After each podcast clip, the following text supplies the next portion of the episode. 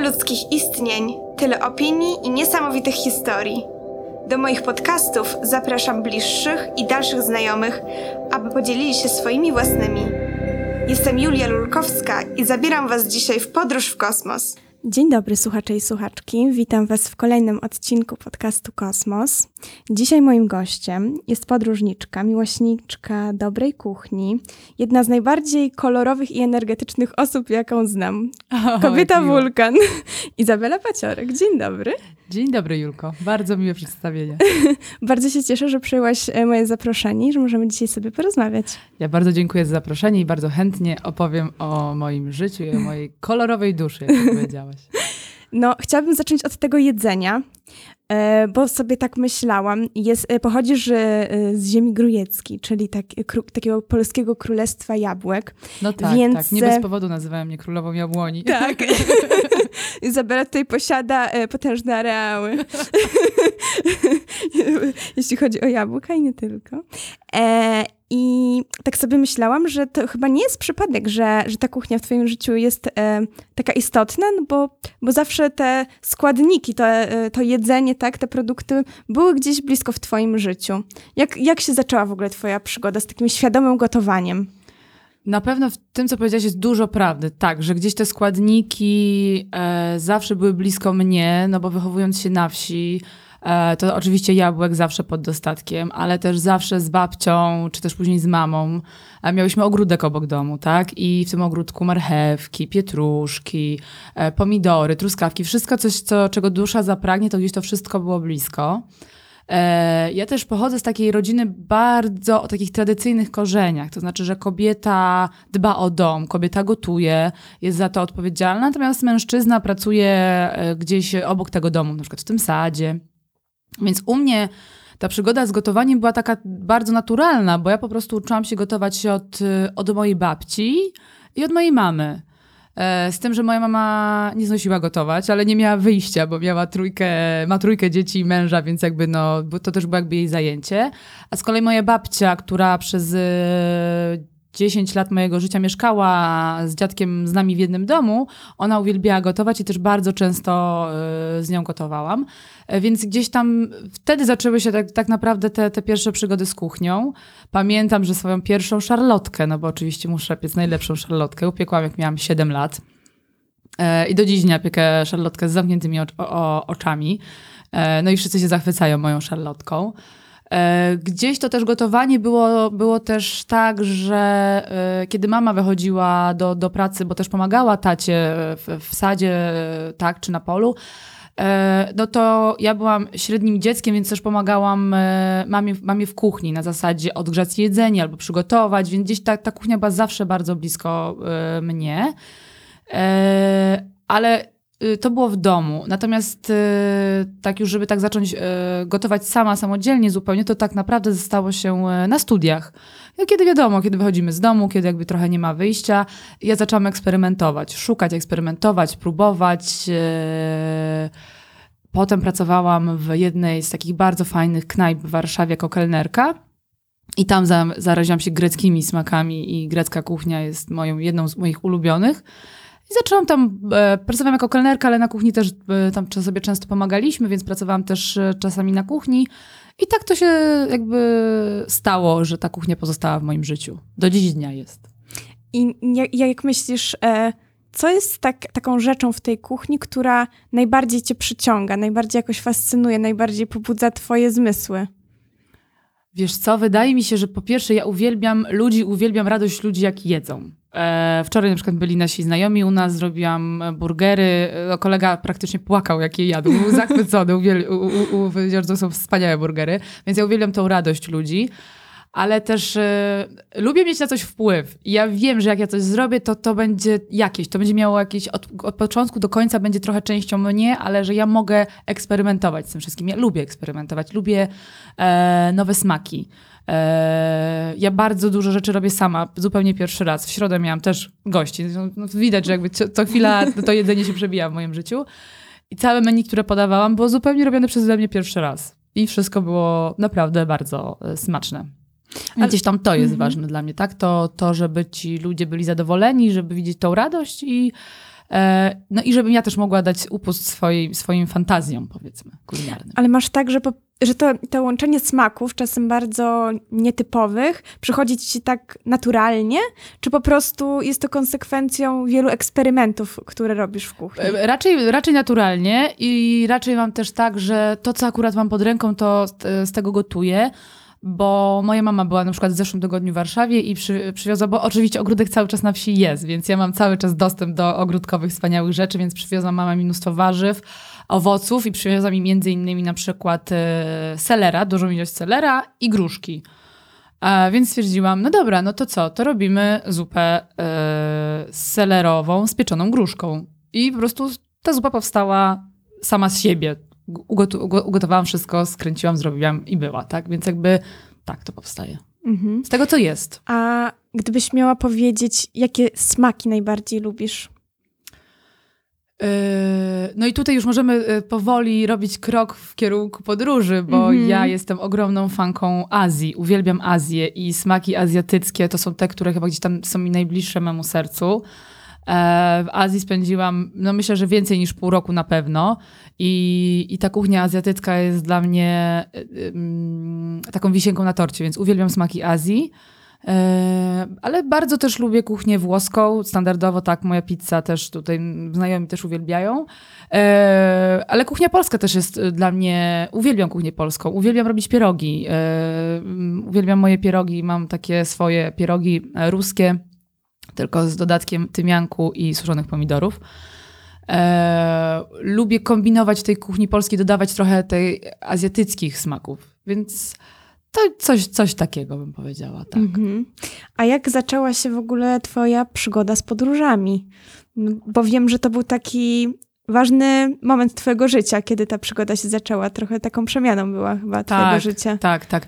Generalnie moje podróże też się zaczęły gdzieś tam na tej wsi mojej trochę, bo mm, mieliśmy mm, o tyle dobrze, że rodzony brat mojego taty mieszka na stałe w Szwecji od już bardzo wielu lat i kiedy miałam 7 lat, to pierwszy raz pojechaliśmy do Szwecji właśnie do wujka w odwiedziny i ten świat mnie zafascynował. Ten taki zupełnie inny od tego w Polsce. No to już było bardzo dawno temu. E, Polska wtedy tak nie wyglądała, jak wygląda teraz. I ja zawsze wiedziałam, jako to dziecko, że ja zawsze marzam, ja bym chciała podróżować. Ja, to było zawsze gdzieś mi z tyłu głowy, chciałam podróżować, podróżować, podróżować. I też to jedzenie w Szwecji mnie urzekało. Było zupełnie inne niż w Polsce. To ciekawe, bo ja właśnie jakoś ta, ta kuchnia skandynawska w ogóle nie kojarzy mi się jakoś e, szczególnie pysznie. Aha, no mi, mój wujek też jest kucharzem w Szwecji, więc jakby on też to, to, to jedzenie naprawdę jest, jest fenomenalne. I, i, I to jedzenie mi urzekało, ono też było inne. To były zupełnie inne produkty, które były dostępne na rynku szwedzkim a polskim. My nie mieliśmy dostępu do takich produktów, więc to mnie też urzekało. I wtedy tak naprawdę wymyśliłam sobie, że kiedyś będę podróżować. Potem wiadomo, studia, różne rzeczy w życiu się działy. No i w 2018 roku miałam taki przełom. e, W zasadzie w 17 się ten przełom zaczął, kiedy pojechałam pierwszy raz w swoim 30-letnim życiu na trzytygodniowy urlop na Zanzibar. I ja do dziś nie mówię, że Zanzibar zmienia. I na tym Zanzibarze e, ja bardzo dużo wcześniej pracowałam, bardzo dużo. Uświadomiłam sobie po pierwszym tygodniu, złapałam taki chill na zasadzie ojej, można nie pracować. W drugim tygodniu ojej, ja odpoczywam, a w trzecim okej, dobra, zmieniam swoje życie. I trochę miałam tak, że wróciłam do Polski i mówię, to jest moment chyba, w którym, w którym ja potrzebuję zrobić coś tylko i wyłącznie dla siebie. Ja wróciłam w sierpniu i od sierpnia po prostu wszystkie pieniądze, które zarabiałam, a wtedy dosyć dobrze zarabiałam, odkładałam na konto. E, Nie wiedziałam jeszcze po co do końca, bo nie miałam czegoś takiego, że lecę na pewno, czy coś zrobię. Nie, tylko stwierdziłam, dobra, ja muszę odkładać te pieniądze. E, W marcu kończyłam 30 lat i na swoją 30 zrobiłam sobie prezent, kupiłam bilet do Indii, do Nepalu. I e, ale wiedziałam, że to nie będzie taki bilet, że lecę i potem wracam i znowu zaczynam pracę. Wiedziałam, że coś się wydarzy. Tak się moja historia gdzieś pracowa potoczyła, że pokończyły się jakieś kontrakty. I w lutym, w marcu wyleciałam do Indii, do Nepalu 10 marca, a w lutym wynajmowałam już swoje mieszkanie, e, wiedząc, że już nie wrócę do niego. I to był taki pomysł, dobra, lecę do Indii i Nepalu i po, to, to było moje największe marzenie, Indie i Nepal. też przez, przez to, że to są takie kierunki bardzo mocno ym, jedzeniowe, które też lubię, e, indyjskie smaki. I potem stwierdziłam, dobra, wrócę po miesiącu z tych Indii i Nepalu i lecę do Portugalii. Lecę do Portugalii na dwa miesiące, e, ponieważ zawsze marzyłam o Portugalii, nigdy w niej nie byłam i powiedziałam, lecę. A będąc jeszcze na Zanzibarze, Kasia, którą tam poznałam, Polka, powiedziała mi, że jest coś takiego jak program Workaway. To znaczy, że lecimy do jakiegoś kraju i w zamian za mm, jakąś niedużą pomoc dostajemy e, spanie i jakieś jedzenie e, zupełnie za darmo. No więc ja znalazłam sobie na tym Workawayu pracę w Portugalii, jedną, drugą i poleciałam. I potem każdy, jakby każdy kraj, który, który wybierałam, każdy miesiąc, który spędziłam w jakimś kraju, to był dyktowany e, to ja, ja to znaczyłam, że to była taka podróż, która mm, w wymarzone miejsca na świecie, w których chciałam być. No i tak każdy kolejny kraj sobie wybierałam i sobie przez dokładnie półtora roku podróżowałam.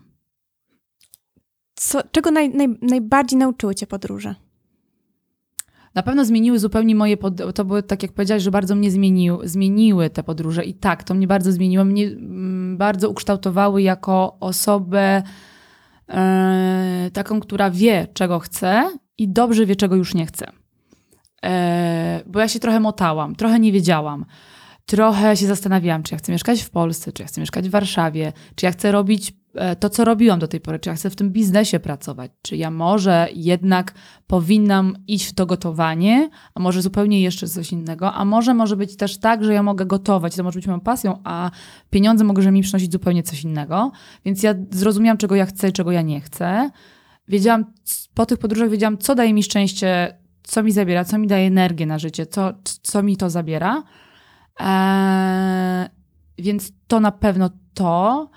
Eee, no i na pewno znalazłam swoje miejsce na ziemi, bo ja też myślałam, że nie będę mieszkać w Polsce, ale po półtora roku spędzonych w różnych miejscach zdałam sobie sprawę, że najlepszym miejscem do, do życia, do takiej stabilizacji jest właśnie Polska, bo myślę, czuję po polsku, jestem Polką i, i, i, i to też zrozumiałam, że jednak mm, najpiękniejsze miejsca na ziemi e, są super, bardzo fajnie to zobaczyć, niemniej jednak żyć, tak, życie swoje chciałabym jakby na stałe gdzieś najbardziej wiązać już z Polską. Mhm.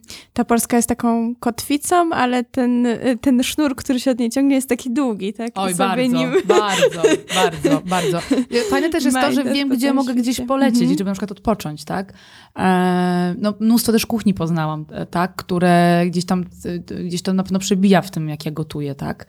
E, poznałam mnóstwo ciekawych ludzi. E, mam przyjaciół na całym świecie, tak? Um... Jakim jesteś typem podróżnika? Ojej, jestem bardzo szalonym. Jak sobie coś w mojej główce ubzduram, że chcę gdzieś być, chcę coś zobaczyć, to choćby nie wiem, co się działo, to ja tam będę po prostu, tak? I, i pamiętam, jak e, byłam w Himalajach i schodziłyśmy z koleżanką z, z, z, już z gór, bo byliśmy w takim siedmiodniowym trekkingu. I to był marzec 2018. I ja do niej mówię, słuchaj, ja to chcę e, Amerykę Południową, ja to tam chcę na trzy miesiące lecieć. Yy, wiem, że bilet jest bardzo drogi, ale nie wiem, coś musimy wymyśleć, coś się musi zadziać takiego, że my tam po prostu polecimy, będziemy siedzieć dwa miesiące, czy tam trzy w tej Ameryce Południowej. No i tam jakaś żonka tak na mnie patrzy, mówi, no dobra, to co, za rok? A ja mówię, no może tak, za rok, bo tam akurat styczeń, luty, marzec, to to by było dobrze. No dobrze, okej. Okay. I wtedy jeszcze nie było tanich biletów do, do Ameryki Południowej. My mówiliśmy to z pełną świadomością, że ten bilet pewnie będzie nas bardzo dużo kosztował. Nie miałyśmy też jakoś, nie wiem, jak dużo oszczędności. I wyobraź sobie, że chyba trzy miesiące później e, leżę w Malezji chyba, czy cztery miesiące później, jestem, leżę w Malezji, przeglądam Facebooka i na Fly for Free widzę e, tanie loty do Argentyny i Chile. I ja mówię, to się nie dzieje, naprawdę. To się naprawdę nie dzieje. I, I że tam pierwszy raz takie loty. I dzwonię natychmiast do mojej przyjaciółki. Mówię, Jolka, lecimy. I ona mówi, Boże, nie mów, że w styczniu. Ja mówię, tak, w styczniu. No i co? No i bo kupiłyśmy bilety i, i wylądowałam na tej, na tej e, ziemi e, argentyńskiej, chilijskiej i urugwajskiej. Mhm. Więc jakby jestem typem podróżnika, który, który na pewno jak chce, to dociera. Jestem na pewno typem podróżnika bardzo oszczędnym. E, jakby ja, bardzo, ja spałam w, ho, w hostelach e, ze względów i pieniężnych, ale też z takich, że dużo ludzi się poznaje w hostelach, dużo można się ciekawych rzeczy dowiedzieć. Jestem też na pewno takim typem, który bardzo chce poznać lokalne społeczności, tych ludzi, e, ich kulturę, jedzenie, e, takim otwartym, ale też na pewno świadomym podróżnikiem. Jakby staram się tam, gdzie mm, już nie powinniśmy wchodzić, nie wchodzę. Staram się nie nie, boli mnie bardzo, kiedy ludzie jeżdżą na przykład oglądać biedę, tak, w tych podróżach. E, w Kambodży było takie miejsce, gdzie można było jechać i oglądać te biedne wioski, pływające, pływające wioski, i tam się tym ludziom płaciło. Okazuje się, że te pieniądze absolutnie nie trafiały do tych ludzi, tylko, mhm. tylko do, do kogoś, kto, kto tym gdzieś tam zarządzał. Więc staram się jakby nie, nie dokładać do takiego biznesu turystycznego, tak?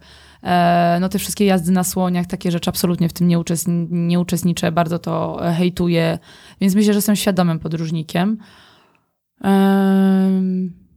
tak, to chyba to, tak, tak.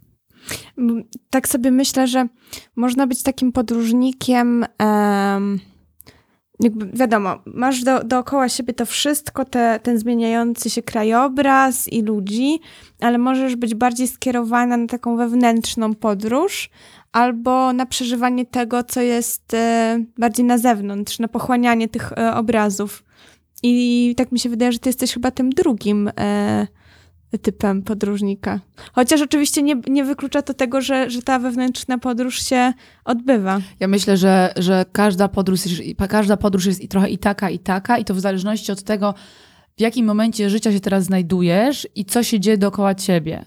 To chyba gdzieś jest tak.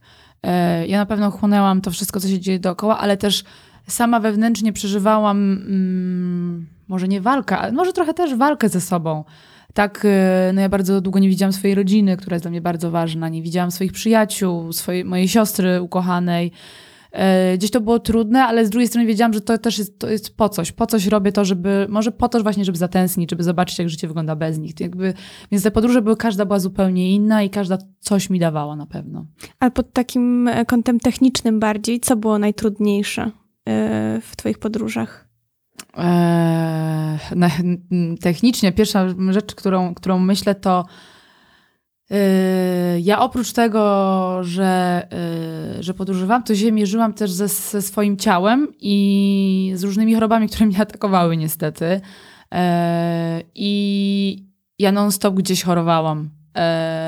Więc musiałam szukać, te, technicznie to było czasami męczące, że musiałam szukać tych szpitali, prosić jakieś lekarstwa. Całe szczęście moja przyjaciółka jest lekarzem, więc mogłam do niej zadzwonić i ona mi mówiła, co mam zrobić w danej, danej, danej sytuacji. No ale dużo szpitali odwiedziłam, tak? Odwiedziłam szpital w Malezji, odwiedzi... Y, lekarz y, na jednej na wyspie w Tajlandii do mnie przyjeżdżał, bo dostałam stra strasznej anginy i, i byłam bardzo przeziębiona. E, Boże, w Malezji chyba byłam nawet dwa razy, bo ja dwa razy byłam w Malezji, więc chyba dwa razy byłam w szpitalu w Malezji.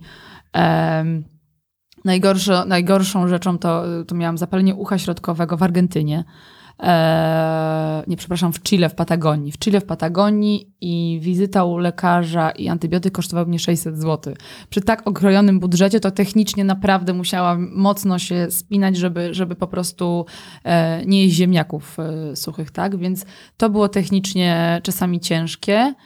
E, no i noszenie plecaka. Jezu, ile ja naprawdę razy się pakowałam, to no, nie jestem chyba w stanie policzyć, może, może bym mogła, ale umiejętność spakowania tylko najpotrzebniejszych rzeczy, bo wiesz, że ten plecak będzie przez tobą przez kolejny miesiąc, dwa, to jest naprawdę wyczyn. Yy, naprawdę wyczyn. To było technicznie czasami bardzo trudne, bo też jak ja jechałam na przykład do Ameryki Południowej, no to... Yy, miesiąc byłam w górach, a kolejny miesiąc byłam w cieple, więc jakby te wszystkie rzeczy trzeba było ze sobą nosić. E, a jeszcze oczywiście lubię sobie przeoszczędzić, no to przecież do Ameryki Południowej mogę jechać tylko z, z plecakiem podręcznym, prawda? Także technicznie to, to szalone, ale do wykonania, do wykonania, do wykonania. Także yy, tak, czasami to było yy, ciężkie do zrobienia, bo już same loty, koordynacja tego, mamy tak świetnie wszystko zorganizowane, E, czy Booking, e, czy na Google Maps mamy wszystko podane. Mamy też mapki e, offline, które bardzo dobrze działają. Loty, to wszystko jest naprawdę bardzo łatwe do zorganizowania. Też na miejscu prze, przemieszczanie się z punktu A do punktu B um, nie jest dużym problemem. Ja chyba odpadam już na tym etapie pakowania, bo dla mnie to jest bardzo trudne. Jakby w mojej historii podróżowania oczywiście to bardzo e, ewoluowało i, i naprawdę uważam, że dzisiaj, jak już gdzieś jadę, to zabieram bardzo mało rzeczy, ale e, to bardzo mało jest takie względne z pewnością, bo, bo to, co dla mnie jest bardzo mało, to dla kogoś innego jest bardzo dużo. No, taki plecak podręczny to zazwyczaj, wiesz, to, to moje najpotrzebniejsze rzeczy yy, na czas podróży. I nie wyobrażam sobie absolutnie spakować yy, jakby całego swojego życia, tak, na trzy miesiące w ten mały plecak. To, To też to jest- musi być mega challenge. Wiesz co, tak, ale to też jest tak, że le lecisz na tak długo, to też nie bierzesz yy, kosmetyków. Wszystkie kosmetyki kupujesz tylko i wyłącznie na miejscu, chyba, że musi ma musisz mieć swój ulubiony krem do twarzy, tak? Mhm. Ale to są jakieś takie malutkie rzeczy. Azja jest wspaniała pod tym względem, ponieważ no, w Azji jest tak bardzo tanie ubrania, że e, ja brałam naprawdę tylko, nie wiem, pierwsze dwie, trzy koszulki, a wszystko inne sobie kupowałam na miejscu. Powiedziałam, że jakby to wróci ze mną potem do Polski, albo jak mi się po prostu zużyje, to to zostawię tam i tyle. Mhm. Więc jakby e, no takie rzeczy, jak się już podróżuje i już e, wie, gdzie się leci, to, to, to wie się, że można sobie na pewne rzeczy potem pozwolić. A które z miejsc, w których byłaś, było dla ciebie najbardziej zachwycające, zapierające dech w piersiach? Jeśli chodzi e, o miejsca na świecie, takie miejsca, miejsca, no to jestem totalnie zachwycona e, Himalajami, tak? E, ja w ogóle kocham góry. Więc Himalaje i Nepal, rewelacja. No i oczywiście Patagonia. Patagonia to e, dla każdego, kto, kto chodzi po górach i wie, e, co to Patagonia, to, to o, oczywiście Patagonia po tej stronie argentyńskiej robiłam, czyli ta bardziej na dziko, nie taka znana, więc to totalne zachwycenie górami. Mm, widziałam też lodowiec e, Perito Moreno. E, No też robi ogromne wrażenie e, i widziałam jak on topnieje, jak się odrywa kawałek lodowca i wpada do wody. To też jest niesamowite doświadczenie w ogóle, zobaczyć to, to na własne oczy. A jeżeli chodzi o kraje, o kraje takie typowo, które, które są moimi, moje trzy ulubione, to oczywiście Portugalia, gdzie jest część mojego serca, absolutnie Portugalia. E, Zachwyca mnie Argentyna, bo przyjechałam z góry na dół całą. E, No jeśli chodzi o Azję, no to Laos. Laos y, skradł totalnie moje serce e, i, i jestem zachwycona Laosem. Więc jakby tak, to, s- to są z tych trzech kontynentów, to te trzy kraje tak e, są dla mnie takimi najlepszymi. Ważnym aspektem są dla ciebie ludzie w tych podróżach. Gdybyś miała powiedzieć... Głównie ludzie. Tak, gdybyś miała powiedzieć, którzy, no bo wiadomo, o, od, nawet od miasta do miasta ludzie się różnią y, jaki, jakimiś swoimi mm, zachowaniami, nie? Po- Podejściem w ogóle też do, no, do obcych tak naprawdę, bo w, te, w tych podróżach no, jesteś takim obcym, który wchodzi na ich teren trochę. Tak, tak, zdecydowanie. I jakbyś miała powiedzieć naj, takie najbardziej, gdzie były najbardziej skrajne przypadki, że poczułaś się mm, najcieplej przyjęta w, w którymś z, z miejsc e, i to było wręcz takie może zaskakujące, a w którym było zupełnie na odwrót. Na pewno takim różnorodnym krajem, bo mówimy o jednym kraju wybranym, na pewno Mhm. tak bardzo różnorodnym, ale to totalnie różnorodnym krajem jest Wietnam. E, też ze względu na historię, tak, jakby Wietnamu, to wszystko, co się, co się działo i zjednoczenie Wietnamu i tak dalej. Mm, Z tym, że akurat to są miasta, miasto, i miast, miasto duże i miasteczko, które są obok siebie, więc one zawsze były po jednej stronie, że tak powiem. Tutaj nie zjednoczenie niedużo do siebie miało, ale e, pierwszy raz wylądowałam w Wietnamie w Hanoi. I ja po pierwszym dniu w Hanoi, ja, ja, ja naprawdę się zastanawiam, czy ja nie wrócę do Polski. Ja, mia, ja byłam przerażona. E, no coś okropnego. Nie mogłam nic zjeść. e, Nie wiedziałam gdzie. Nikt nie chciał ze mną rozmawiać. E, wszędzie, dosłownie wszędzie były skutery. Ja z tym plecakiem. Te, te skutery, głodna, gorąco. No coś okropnego. Ja naprawdę, ja się ja pomyślałam sobie, Jezu, jeśli ten Wietnam jest cały taki, to ja naprawdę nie wytrzymam. E, I w, pier- w Hanoi spędziłam chyba półtora dnia. I kolejnego dnia, tak, dokładnie półtora dnia. I kolejnego dnia w południe jechałam do takiego e, małej miejscowości, dosłownie dwie godziny od Hanoi, tam Kok. E, I to było naj, jedno z najpiękniejszych miejsc w Wietnamie. Myślę, że chyba najpiękniejsze. Tak wspaniali ludzie, e, wspaniała kuchnia, jedzenie, ludzie, u których e, w takim guest spałyśmy, no to było niesamowite doświadczenie, niesamowite, więc totalnie inne od tego, co było w Hanoi. Więc powiedziałam, okej, dobrze, Wietnam dostanie drugą szansę. No i całe szczęście, że nie wyjechałam, zostałam, bo generalnie potem Wietnam był e, e, im mniejsza miejscowość albo im mniejsze miasteczko, tym, tym fajniej i ciekawiej. Duże miasta niestety mają to do siebie, że, że, że nie są takie, takie, dla mnie nie są takie ciekawe. Chociaż Bangkok lubię bardzo. Wiem, że mnóstwo ludzi nie lubi Bangkoku, ja Bangkok uwielbiam w Tajlandii.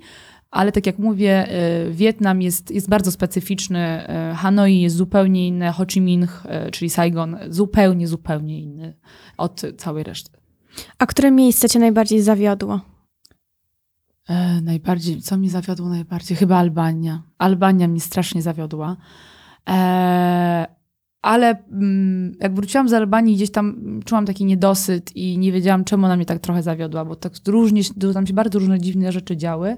I przeczytałam historię Albanii, tak od deski do deski, i o tym komunizmie, który tam był, o, tym, o tych wartościach, które zostały bardzo tam nadszarpnięte. I trochę zrozumiałam tą historię Albanii i myślę, że Albania kiedyś może dostanie ode mnie drugą szansę.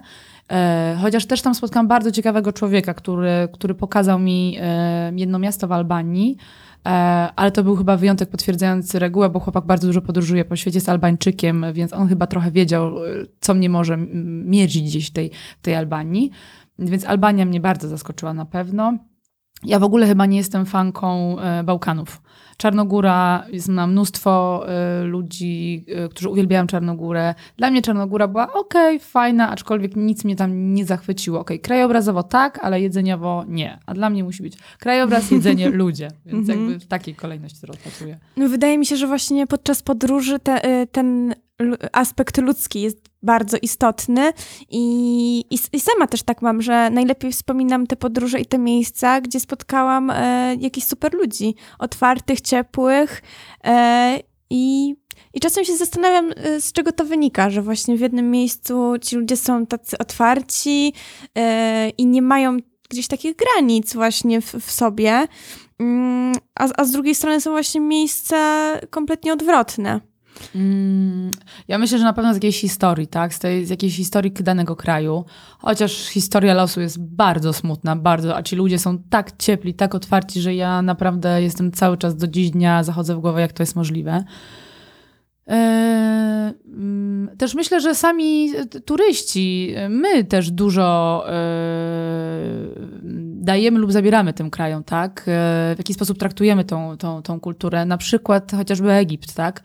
E, no Egipt niestety stał się takim, takim, no, takim miejscem, gdzie każdy może być, każdy może sobie do niego lecieć, no ale mm, i to, co robimy w tym Egipcie jest moim zdaniem okropne, niszczenie raf kolorowych, tak? E, Okej, okay, nurkujemy, e, nurkujemy świadomie. Ja byłam sama świadkiem, kiedy Rosjanie e, chodzili z łyżeczką bardzo blisko rafy i wydłubywali coś z tej rafy, tak? Więc jakby nie możemy oczekiwać trochę od, od krajów, y, które nas przyjmują, otwartości, jeśli sami niszczymy ich, ich y, środowisko naturalne chociażby, tak? Więc gdzieś może to wynika z tego. E, no na pewno ta historia, Albania ma bardzo traumatyczną historię, więc jakby też może dlatego ten kraj jest taki, um, jaki jest. Um, nie wiem, tak myślę, że tak na, na teraz to takie, takie rzeczy przychodzą mi do głowy. Tak myślę sobie o tym właśnie mm, takim byciu nieświadomym podróżnikiem. Mhm. E, o tym, co powiedziałaś o tej rafie i w ogóle o, niszczeniu miejsc. E, I myślę sobie, że e, w dawnych czasach, kiedy podróżowanie nie było tak popularne, po prostu dlatego, że no, chociażby było po prostu drogie, e, bardzo drogie, mm, no i też nie, nie każdy mógł sobie na to pozwolić. E, dwa, nie było samolotów, więc to też no, wymagało pewnych poświęceń, tak? Bo podróże tak, tak. trwały kilka miesięcy, czasem kilka lat. Mhm. E, no i wydaje mi się, że osoby, które wtedy były podróżnikami, musiały być bardzo świadome. Wiedziały, że wybierają się po coś do danego miejsca e, i, i miały w sobie taką uważność na to, co, co mogą tam spotkać i kogo mogą spotkać. I chyba przez to, że te podróże stały się takie popularne i, i każdy może sobie na nie pozwolić. No, aktualnie różnie z tym bywa. nie- tak. E, ale no właśnie chyba, chyba brakuje tej uważności w podróżowaniu.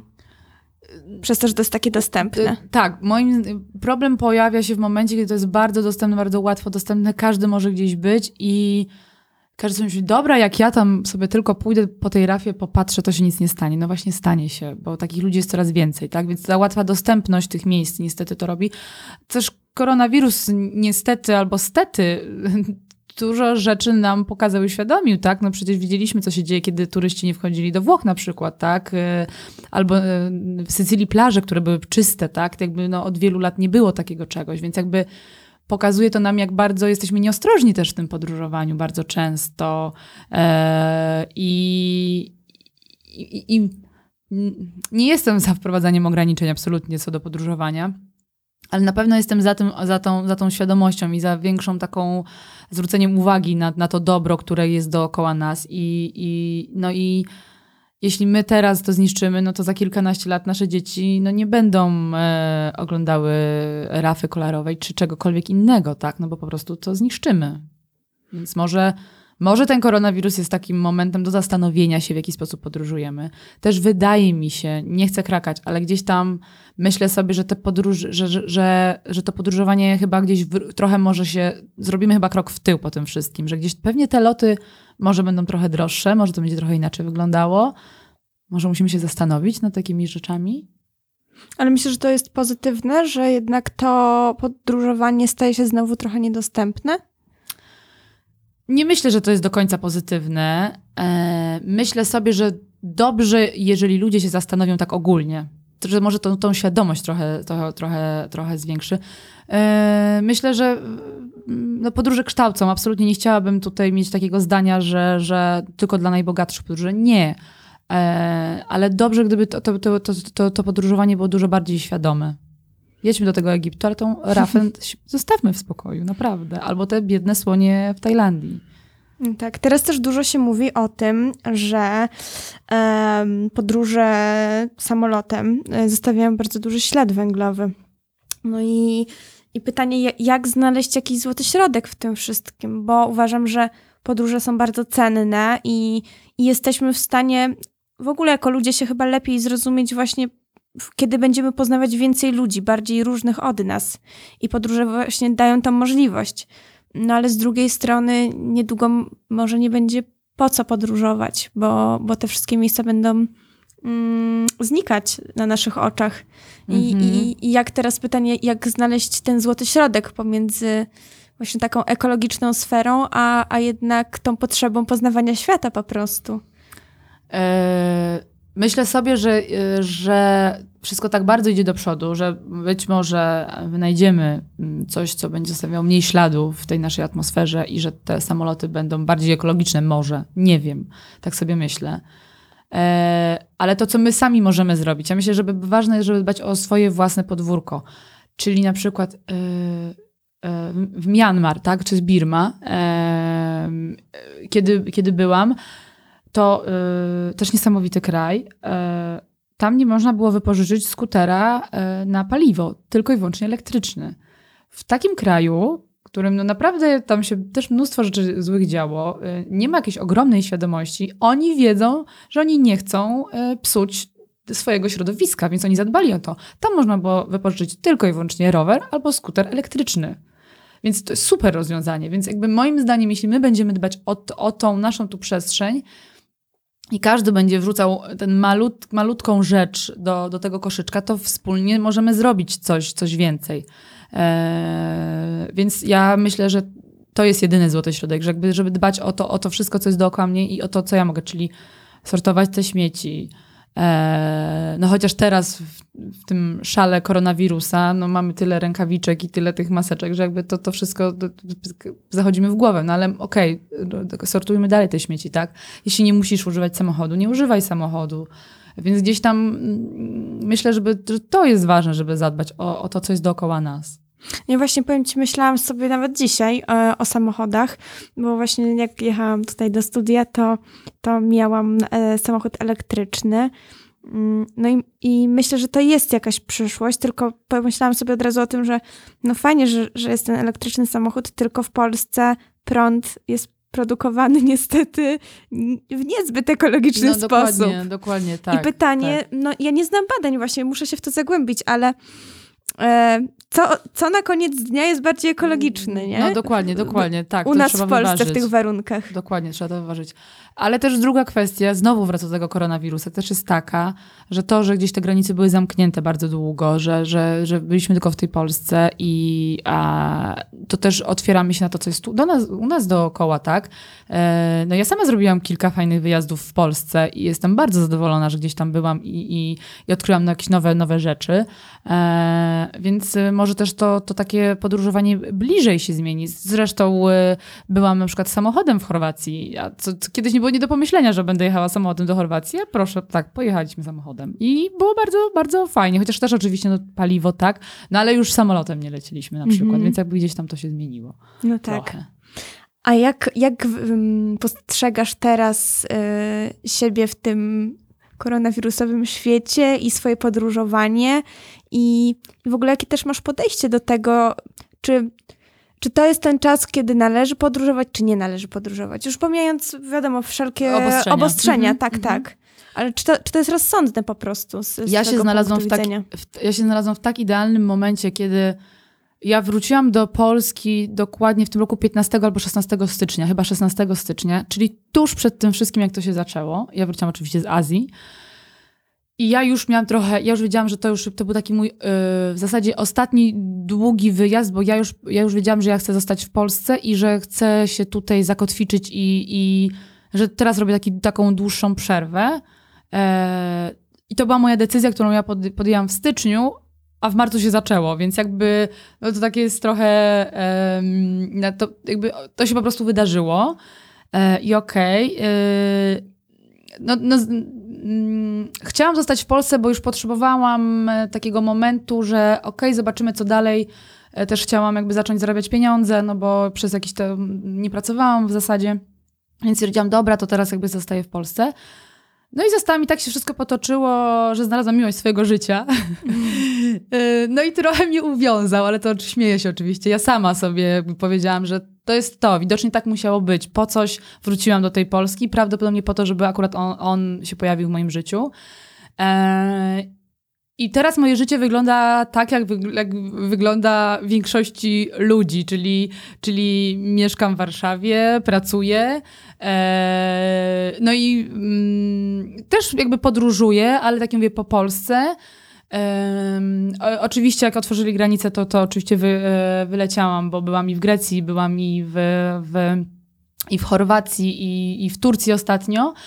Tylko to są już krótsze wyjazdy. To są już takie wyjazdy typowo tydzień, dwa i, i, i, i wracamy. To już są już zupełnie inne podróże. To są podróże osoby pracującej, która wyjeżdża na, na urlop, a nie osoby podróżnika z plecakiem, Mhm. jadę i, i, i, i zwiedzam i szukam e, wrażeń. Też to się zmieniło, bo jak się jest z kimś, to, to, to zupełnie już inaczej wygląda.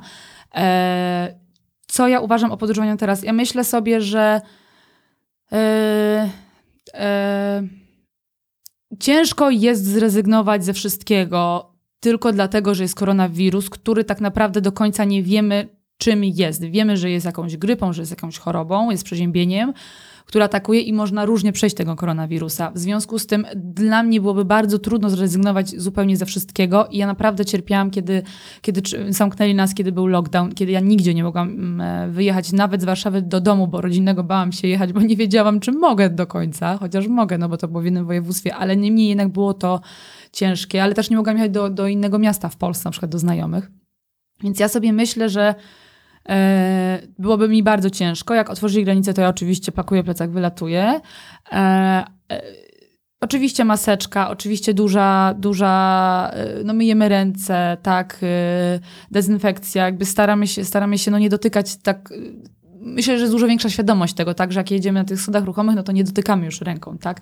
E, Za każdym razem myjemy te ręce kilkanaście razy, pewnie to jest więcej, więc no i mi się nic nie wydarzyło przez, te, przez ten czas, kiedy teraz byłam w podróży i ym, no ale też pracuję na co dzień z ludźmi, więc, y, więc myślę, że ja bym mogła wszędzie tak naprawdę złapać tego koronawirusa. Mogłam go złapać w pracy, mogłam go złapać na lotnisku, więc myślę, że, że chodzenie w tej maseczce, ja też nie, nie jestem fanką tych maseczek, ale jakby no podobno to chroni, więc okej. Więc y, mm, no i też jakby y, na pewno to podróżowanie jest trochę inne, bo trochę inaczej, y, no nie spotykamy się tak z tymi ludźmi tam w tych podróżach bardziej, bo oni też są, trochę się boją, więc może ta otwartość jest trochę mniejsza na, na, na nas też, tak? Ale myślę sobie, że, że yy, no teraz nie mam na razie żadnego biletu kupionego, nad czym bardzo ubolewam, ale też nie kupuję z tego względu, że yy, te loty są odwoływane, więc jakby... Mhm czekam na to, co się wydarzy. Myślę, że najbliższa podróż jakaś zagraniczna to prawdopodobnie dopiero w przyszłym roku. E... Wspominałaś o tym, że, że chcielibyście e, się wybrać do Stanów i masz, e, masz już w swojej głowie taką listę miejsc, do których, do których chciałabyś uderzyć, odwiedzić je, zobaczyć? E, tak, mam, mam taką nadzieję, że może w przyszłym roku te Stany gdzieś, gdzieś, gdzieś, gdzieś wypalą. Na pewno chciałam zobaczyć Chicago. E, mam tam też e, znajomych, więc na pewno Chicago, na pewno Nowy Jork. E, na pewno Biały Dom chciałabym zobaczyć, tak, czyli Waszyngton. No wszystkie parki narodowe, Yellowstone, tak, i, mm -hmm. i te, te parki, więc na pewno. E, no mój tutaj, e, moja miłość życia mówi, że zabierze mnie na Road 66, o. więc mam nadzieję, że mnie zabierze. E, także tak, więc no jest trochę tych miejsc. On też był w Stanach, mieszkał przez jakiś czas, więc też na pewno będzie chciał mi pokazać jakieś fajne miejsca. Ja jeszcze nie byłam w Stanach, więc, więc będzie mógł się wykazać. Ja go do mhm. Azji, on mnie do Stanów. Będziecie swoimi przewodnikami. Tak, nie tylko życiowymi. A jakie masz podejście właśnie do, do przewodników, e, jakichś książek o, o podróżach i do programów y, podróżniczych? E, ja w ogóle kiedyś nie oglądałam programów podróżniczych. Programy podróżnicze oglądam, uwaga, od dwóch tygodni. Na e, Food Network na przykład, tak? I mhm. zaczęłam je oglądać. I ja, ja się cieszę, że ja nie oglądałam, bo teraz na przykład oglądałam e, Makłowicz w podróży i pokazywał Wietnam. Ja mówię, ojej, ja tu byłam, ojej, ja tu byłam, więc jakby y, trochę ta perspektywa jest inna, więc to jest bardzo, bardzo fajne. E, kiedyś ja, y, uwielbiam czytać książki. To, to jest moja kolejna zajawka, pasja. Oprócz gotowania mam mnóstwo książek. Mam mnóstwo książek podróżniczych, więc ja bardzo dużo czytałam książek podróżniczych i czytam dalej. E, bardzo dużo blogów czytam. Blogów inspiruję się tym mm, ludźmi, którzy już byli, widzieli. To jest gdzieś tam bardzo dla mnie e, ciekawe. Uwielbiam oczywiście Martynę Wojciechowską, e, Przemka Kosakowskiego. Uwielbiam, uwielbiam, uwielbiam, więc jakby e, oni są dla mnie e, bardzo takimi ciekawymi osobami. E, więc, więc, więc tak. E, ale tak jak mówię, ja w ogóle tele, ja w ogóle to jest też bardzo zabawne, bo ja mam tylko telewizor w domu teraz tylko i wyłącznie przez mojego, yy, mojego partnera, bo ja generalnie telewizji nie miałam, nie oglądałam w ogóle telewizji. No ale że teraz jest, no to gdzieś tam y, w wolnej chwili sobie, sobie oglądam, przeglądam i, i tak jak mówię, no fajnie jest oglądać kraje, w których, których, w których byłam, widziałam z innej perspektywy, jak ktoś pokazuje. A jak myślisz, jeszcze wracając na chwilę do tej kuchni, czy jest w ogóle szansa na to, żeby tworzyć jakieś fajne kulinarne projekty w najbliższym czasie? Bo e, pamiętam e, Saski Stół, no, tak, wspaniały, wspaniały projekt. projekt. I to też jest bardzo ciekawe, bo, um, bo on był takim konceptem, który mógł się nie sprawdzić w Polsce. Mógł. Bo, bo, mm -hmm. przy, e, bo przychodziło tam do was dużo nie, nie, ludzi, którzy się nie znali, tak? Tak, tak. I, i mieli jeść wspólne śniadanie.